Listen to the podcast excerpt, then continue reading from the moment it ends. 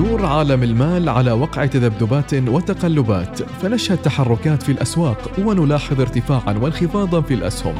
وفي برنامج الأسهم الأولى نتابع هذه التحركات عن كثب. الأسهم الأولى الأسهم الأولى. تحليلات وإحصائيات دقيقة لأهم المؤشرات المالية وحركة التداول العالمية. تطورات بورصة مسقط وكيفية التكيف مع التغيرات العالمية. الأسهم الأولى مع الخبير المالي حمزة اللواتي كل اثنين وأربعاء. من الواحدة ظهرا. الأسهم الأولى برعاية الهيئة العامة لسوق المال بورصة مسقط بورصة الفرص شركة مسقط للمقاصة والإيداع. ثقة وأمان.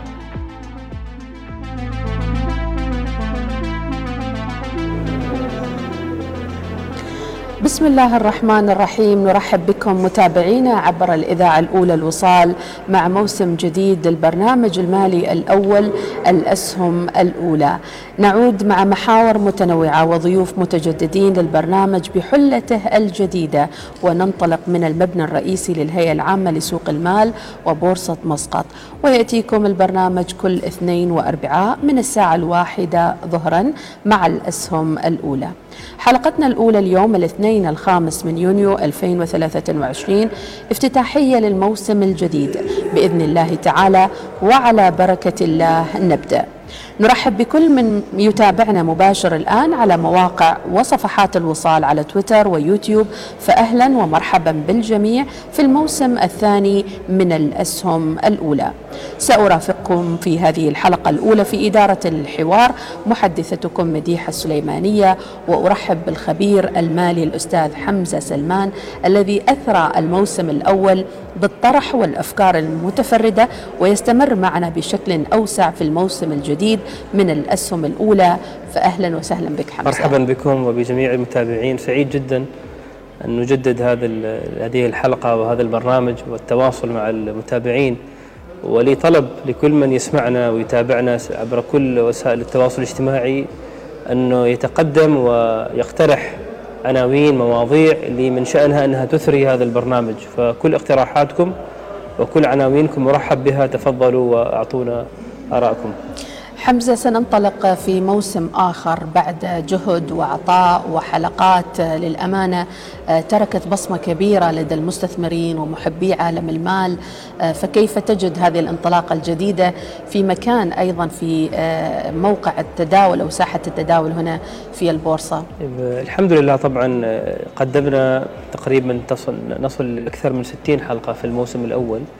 وهذه الحلقات طبعا كانت متنوعة من بين أخبار عالمية طرق الاستثمار أدوات الاستثمار. وطبعا هذا الموسم أيضا سنعيد ونجدد بعض هذه المصطلحات اللي شرحنا عنها مرة أخرى. ولكن هذا الموسم آه، سيتميز لأنه لابد أن كل موسم يتميز بميزة معينة. من أول من أولى الميزات أن الموسم هذا الآن أصبح يبث مباشر من قاعة التداول بورصة مسقط. فإذا نحن جزء لا يتجزأ من التداول وعالم المال والأسواق. لسنا نعم. فقط في استوديو ولكن نحن في قلب الحدث أمامنا الشاشات وبينما أنا أكلمك الآن أرى المؤشرات نزولا وصعودا وأداء البورصة. هذا طبعا عامل نفسي ومعنوي إيجابي قوي. النقطة الأخرى في هذا الموسم أيضا سنقوم باستضافة بعض الخبراء والوجوه والرؤساء التنفيذيين في عالم القطاع والمال لكي يعني نشارك المتابعين والمستمعين هذه التجارب وهذه المعلومات. ثالثا سنواصل التركيز على أداء شركات بورصة مسقط والبورصات العالمية مثل ما كنا معاكم سابقا في البورصة الأمريكية والصينية وغيرها. هذا هذا المنهج أيضا سيتواصل ويتعزز إن شاء الله بشكل أكثر. بإذن الله تعالى. نذكر متابعينا أن البرنامج يأتيكم مباشر من قاعة التداول برعاية الهيئة العامة لسوق المال وسوق مسقط للأوراق المالية وشركة مسقط للمقاصة. ونرحب بالجميع المتابعين سواء كان مباشر على اليوتيوب وأيضا على تويتر. وأهلا بالرعاة الجدد أيضا للبرنامج. ونشكر الرعاة اللي كانوا معنا في الموسم الماضي الهيئة العامة لسوق المال وسوق مسقط للأوراق الأوراق المالية. ونرحب أيضا بالرعاة الجدد شركة مسقط للمقاصة. أستاذ حمزة لما نتحدث عن الفترة الماضية أكيد توقفنا عند آخر حلقة في ديسمبر تقريبا قبل رمضان. قبل رمضان أم قبل قبلها بشوية نعم قبلها. بفترة. نهاية الصيف نهاية الماضي صحيح. نعم. أيوة. آه وأيضا آه، يعني يمكن توقفنا عند حرب آه، الروسية الأوكرانية. نعم. فما هي المستجدات العالمية الآن؟ طبعا في البداية لو نرجع إلى الوراء ولما تكلمنا عن الحرب الروسية الأوكرانية يعني الإنسان دائما في توقعاته قد يصيب وقد يخطئ إنه هي توقعات. وأتذكر تلك الحلقة أنا توقعت فيها على أنه لن آه، يعني تحصل حرب بين روسيا وأوكرانيا. طبعا توقعي كان خاطئ وهذا الشيء لا عيب أن الواحد يذكره. وحصلت الحرب الأوكرانية وتعمقت ولا زالت متعمقة ونتمنى أنها تنتهي بسلام في أسرع وقت. ولكن هذه الحرب آه، ليست مثل الحروب الأخرى. كان لها انعكاساتها أيضا على عالم الاقتصاد والمال. منذ تلك الفترة أم أحمد وإلى يومنا هذا العالم يعاني من مشكلة التضخم. التضخم طبعا لها أسباب كثيرة. الحرب هي أحدى أسبابها ولكن أسبابها أيضا كانت ارتفاع الطلب الكبير على السلع وعلى يعني بعد الإغلاقات في كورونا فجأة. والمصانع لم تكن قادرة على الإيفاء بهذه الطلبات والمتطلبات مما أدى إلى ارتفاع الأسعار اللي شاهدناه عالميا آه، وأيضا إقليميا وأيضا آه، محليا. أيضا من أحد الأمور اللي لازم نمر عليها وما ننساها أنه السنة الماضية 2022 كانت سنة للتاريخ. هي كانت سنة من أسوأ السنوات في آخر آه، 30 سنة من أسوأ وليس الأسوأ. 2022 من 2022 على صعيد قطاع المال العالمي. نتكلم عن السندات نتكلم عن أسواق الأسهم. البورصات في أمريكا مثلا ناسدك آه، انتهى أدائها نهاية 2022 بسالب 30% تقريبا. نتكلم عن أسهم فقدت 90% من قيمتها السوقية. نعم. بالتالي إذا أنت كنت مستثمر فيها مثلا بألف ريال تبقى لك من الألف مئة. وإذا أنت مستثمر مئة ألف تبقى لك من ألف عشرة آلاف. كانت سنة صعبة على ال- على الجميع.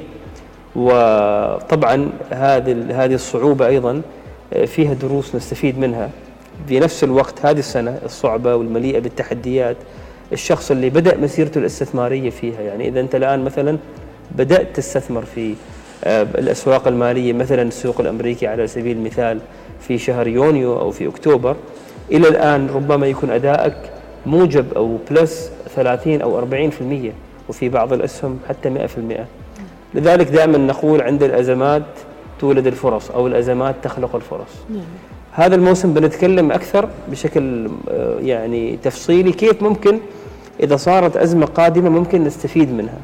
هذا على الصعيد العالمي على الصعيد المحلي والإقليمي في غضم التغيرات اللي شهدها العالم ونزول الأسواق. ظلت الأسواق الخليجية محافظة على أدائها وانتهى العام الماضي بتصدر آه، بورصة أبو ظبي كقائمة الأفضل أداء في بورصات الخليج وثانيا كانت بورصة مسقط. ممتاز هذه شيء- أخبار طيبة هذا يعني شيء أيضا يذكرنا دائما ويذكر ويذكرك أنت عزيزي المستثمر أن لا تضع كل بيضك وكل نقودك في بورصة واحدة، لا تضع كل نقودك حتى لو كانت البورصة بورصة مثل بورصة أمريكا فيها حركة ونشاط، لو أنت حاط جزء من أموالك في بورصة مسقط فأنت كنت تحقق عائد إيجابي، وهذا درس نستفيد منه أن تنوع استثماراتك، لا تضعها في بورصة معينة، ضعها في مسقط في أبو ظبي في أمريكا وغيرها. ولكن التركيز على بورصة واحدة بحد ذاتها غير صحي وغير سليم. نعم. تعلمنا أيضا دروس أخرى أم أحمد على أنه الألفية من بعد 2020 أو من بعد 2019 الأحداث في العالم والتحديات والتغيرات عندما تحصل لا تأخذ خمس سنوات حتى تتحقق. الحرب الروسية الأوكرانية في يعني شهرين ثلاث أشهر واصبحت حقيقة واقع. نعم انهيار ثاني أكبر بنك في سويسرا اللي هو بنك كريدت سويس نعم. حصل في ظرف أسبوع تصريح من رئيس مجلس إدارة البنك الأهلي ب- في السعودية اللي هو كان يملك حصة في بنك كريدت سويس تصريح أسيء فهمه من وسائل الإعلام اشتعلت ال- ال- التغريدات في تويتر. الناس خافت طلعت فلوسها من البنك. البنك آه، في خلال ظرف أقل من أسبوع انهار. هل وتم هل الاستحواذ عليه من بنك UBS. هل الانهيار كان بسبب هذا الإفصاح والخطأ في بث المعلومة؟ أم كان هو مهيأ من آه، الداخل للانهيار؟ في عاملين ال- ال- ال- الإفصاح وطريقة التعاطي مع الإعلام سرع الانهيار وجعله حتما مقضيا مثل ما نعم. يقولوا ولكن البنك كان بإمكانه مع الملاءة المالية إنه هو يعيش لسنوات على الأقل خمس سنوات قادمة نعم ولكن اله- الهلع والخوف أدى إلى انهيار هذا البنك. وهذا أيضا يعني يعلمنا درس نشارك فيها يعني المتابعين على أنه المؤسسات المالية قوتها ليست فقط في رأس مالها وفي عدد الأصول اللي تملكها ولكن في ثقة المتعاملين معها. يعني أن أنا مثلا كمستثمر الآن أريد أشتري أسهم في بورصة مسقط ينبغي علي أيضا ان ان ان, أتوجه لوسيط أثق فيه أثق أنه هذه الأموال ستعاد إلى حسابي. يعني فالثقة هي فوق آه، رأس المال. هذا درس تعلمناه يعني إنه بنك مثل كريدت سويس من أهم المؤسسات المالية عالميا. وإذا كان يحصل انهيار ولم يتم احتوائه كنا سنشهد أزمة مالية مثل أزمة Lehman Brothers في 2008 ولكن طبعا تم احتواء ال- البنك. وشراءه من بنك UBS. نعم. فهذا أيضا آه، يعطينا نمط ولمحة عن العصر الجديد اللي نعيشه على إنه التغيرات تحصل سريعا. نعم. ولذلك سنفرد أيضا حلقة نتحدث فيها أيضا عن أهمية الدولار الأمريكي وهل سيكون الدولار الأمريكي محرك هي العملة الاقتصاد. المحافظة على ثباتها وقوتها كعملة أحادية خلال السنوات القادمة. هذه إن شاء الله أيضا من أحد المواضيع اللي بنطرحها في الاسهم الأولى. هذا يقودنا إلى السؤال التالي ما آه، طبيعة البرنامج في الموسم الجديد وأيضا آه، طبيعة اختيار الضيوف في الموسم الجديد. البرنامج طبعا سيحافظ على نسقه التعليمي والتثقيفي في مجال الاستثمار لأنه هذا شيء مهم جدا. فنواصل نحن ذكر كل ما من شأنه أن يرفع الثقافة الاستثمارية آه، لدى الناس. وبنضيف ونعزز هذا الشيء بايضا تعزيز ثقافة الادخار والوعي المالي وفي سبيل ذلك آه، ارتئينا أن نقوم باستضافة بعض المتخصصين في علم السلوك وليس فقط في موضوع علم المال لأنه يا أم أحمد المال لا يرتبط فقط بالماليين والخبراء الماليين نعم. أمثالنا المال يرتبط أيضا بعلم السلوك فإن شاء الله ستكون لنا استضافات لشخصيات متخصصة في دراسة السلوك الإنساني وكيف ممكن أن نقوم السلوك الإنساني لكي يحقق الحرية المالية أو لكي يدخر أو يستثمر بشكل أفضل. جميل أضف إلى ذلك سنستضيف بعض الوجوه والقامات العلمية المالية اللي هي ممكن تثري البرنامج وتفيد المستمعين والمتابعين للأسهم الأولى.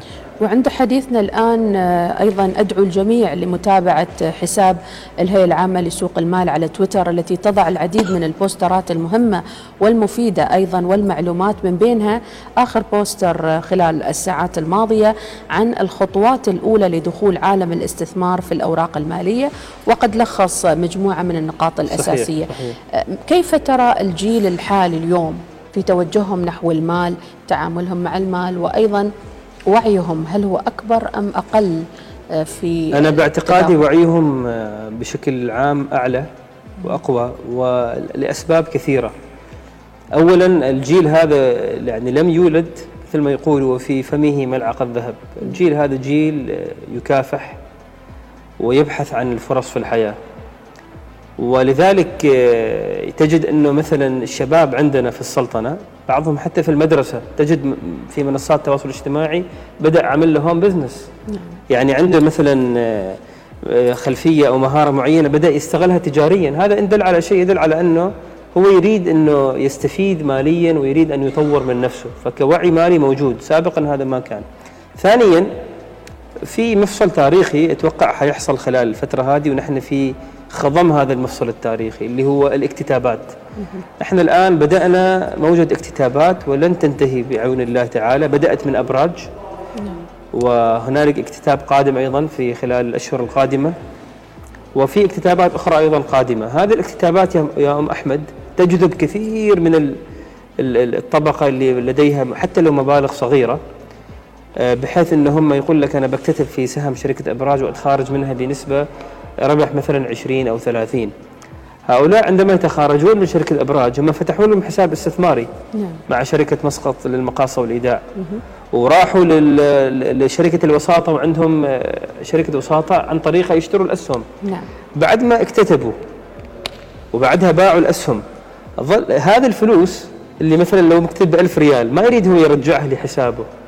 يقول لي أنا يقول أنا أبحث في البورصة عن فرص أخرى. فهذا من أحد الأدوات لزيادة الوعي المالي. فإذا نتكلم عن مثلا عشرة آلاف شخص اكتتبوا أو عشرين ألف هؤلاء كل فلوسهم بتكون موجودة في البورصة يبحثوا عن فرص. نعم.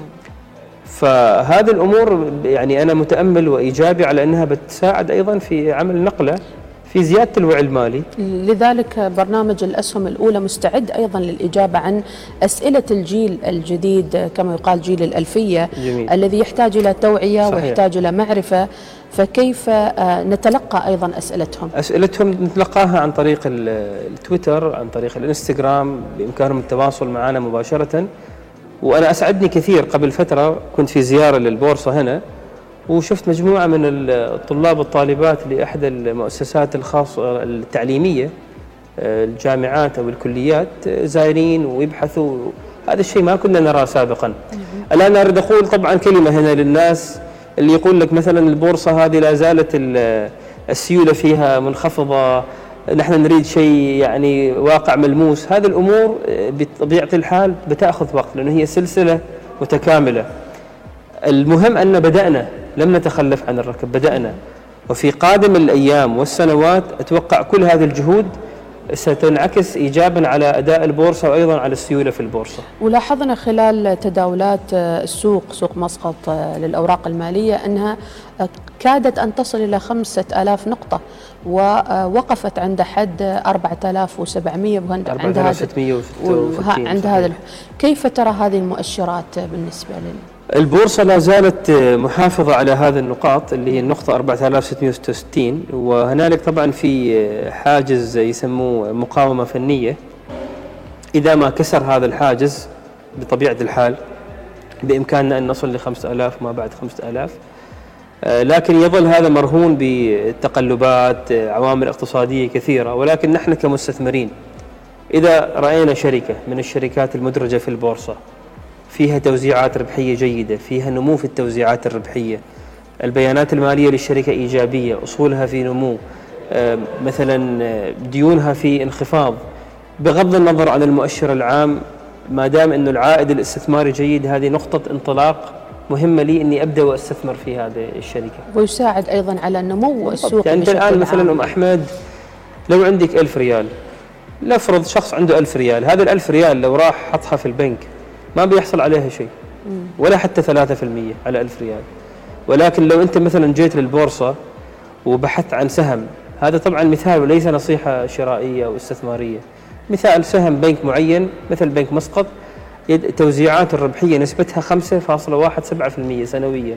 يعني إذا أنت حصلت يعني وضعت ألف ريال في في بنك مسقط تحصل على عوائد توزيعات ربحية حوالي 51 ريال سنويا فهي أفضل من أنك أنت ما تحصل على شيء.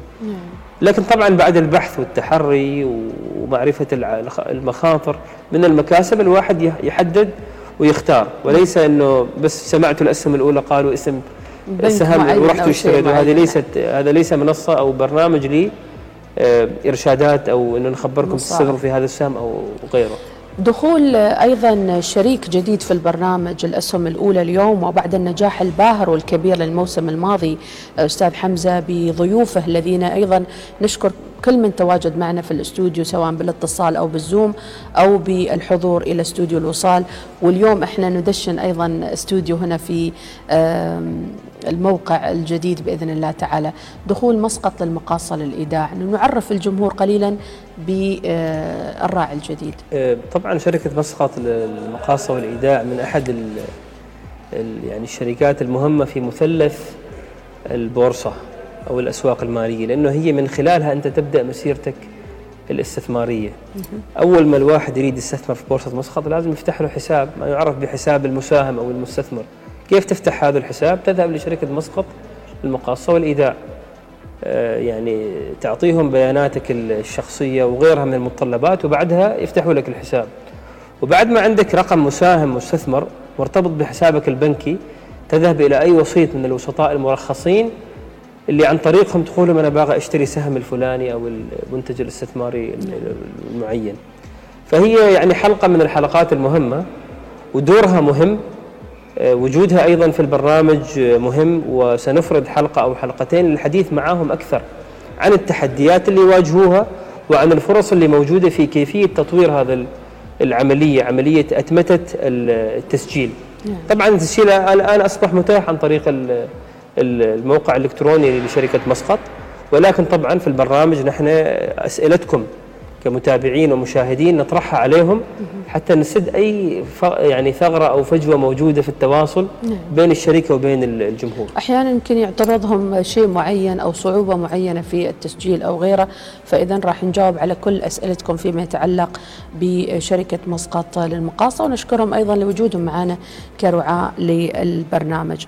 آه، بالعودة إلى التوجيهات السامية من مولاي جلال السلطان حفظه الله ورعاه في آه، الفترة الماضية فيما يتعلق بالمدن الذكية والأتمتة ومستقبل عمان وصندوق الاستثمار للمستقبل. كل هذه الصناديق أكيد تدفع جميع الجهات للتطور فنحن أمام عشر سنوات للتحول والنقلة.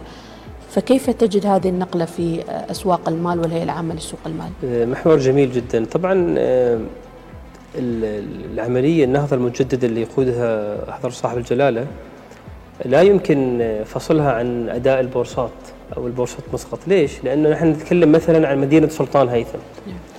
مدينة سلطان هيثم بعشرين ألف وحدة سكنية بما تحتويه من بنى تحتية شوارع هذه كلها محتاجة إلى منتجات محتاجة إلى إلى لوجستيك محتاجة إلى أمور كثيرة أموال يعني. وهذه الأمور في النهاية كلها إذا ما أحسننا استغلالها تكون عوائدها لشركات موجودة في البلد في القطاع الخاص لا سيما شركات اللي هي مدرجة في بورصة مسقط هذا سيزيد من مبيعاتهم يزيد من أرباحهم بالتالي ينعكس على أدائهم في البورصة م. فلا يمكن فصل هذا الموضوع عن البورصة بالعكس في بينهم ارتباط شديد والبورصة تتفاعل إيجابا مع أخبار مثل هذه لأنها تتوقع على أنه مثل هذه المشاريع من شأنها أن تزيد من أرباح الشركات المدرجة بها وبالتالي ارتفاع قيمها السوقية. هكذا تتفاعل البورصات مع مثل هذه الأحداث.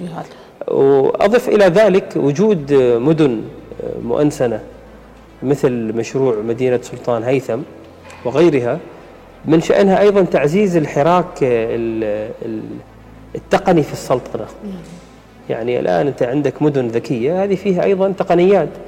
هذه التقنيات خلف أيضا شركات آه، بأفكار معينة تخدم آه، هذه الشرائح. الطلب وال بالضبط فتطبيقات جديدة أبس آه، طرق جديدة. وهذا من شأنه أيضا أنه يعمل يعني نقلة إيجابية إن شاء الله خلال السنوات العشرة القادمة. ما نتحدث عن تغير في سنة هذه الأمور تأخذ وقت. نتكلم عن عقد على الأقل عشر سنوات. بكل تأكيد ولذلك يتطلب من الجميع أن يكونوا على أهبة الاستعداد لهذه التوجيهات السامية وأيضا التطورات المتسارعة جدا. آه، يعني نقول خلال أربع سنوات لاحظنا أن الجميع قد هب وأيضا آه، طور من منشآته لتتواكب مع النهضة المتجددة. ضيفنا العزيز أستاذ حمزة سلمان شكرا لك في هذه الحلقة الأولى والانطلاقة الأولى. والموعد إن شاء الله يوم الأربعاء بإذن, بإذن الله. باذن تعالى شكرا لكم على متابعتكم ونلقاكم قريبا. بإذن الله، اذا إلى هنا نصل إلى ختام الحلقة، نشكر الرعاة الهيئه العامة لسوق المال وسوق مسقط للأوراق المالية وشركة مسقط للمقاصة والإيداع، شكرا لكم وإلى اللقاء.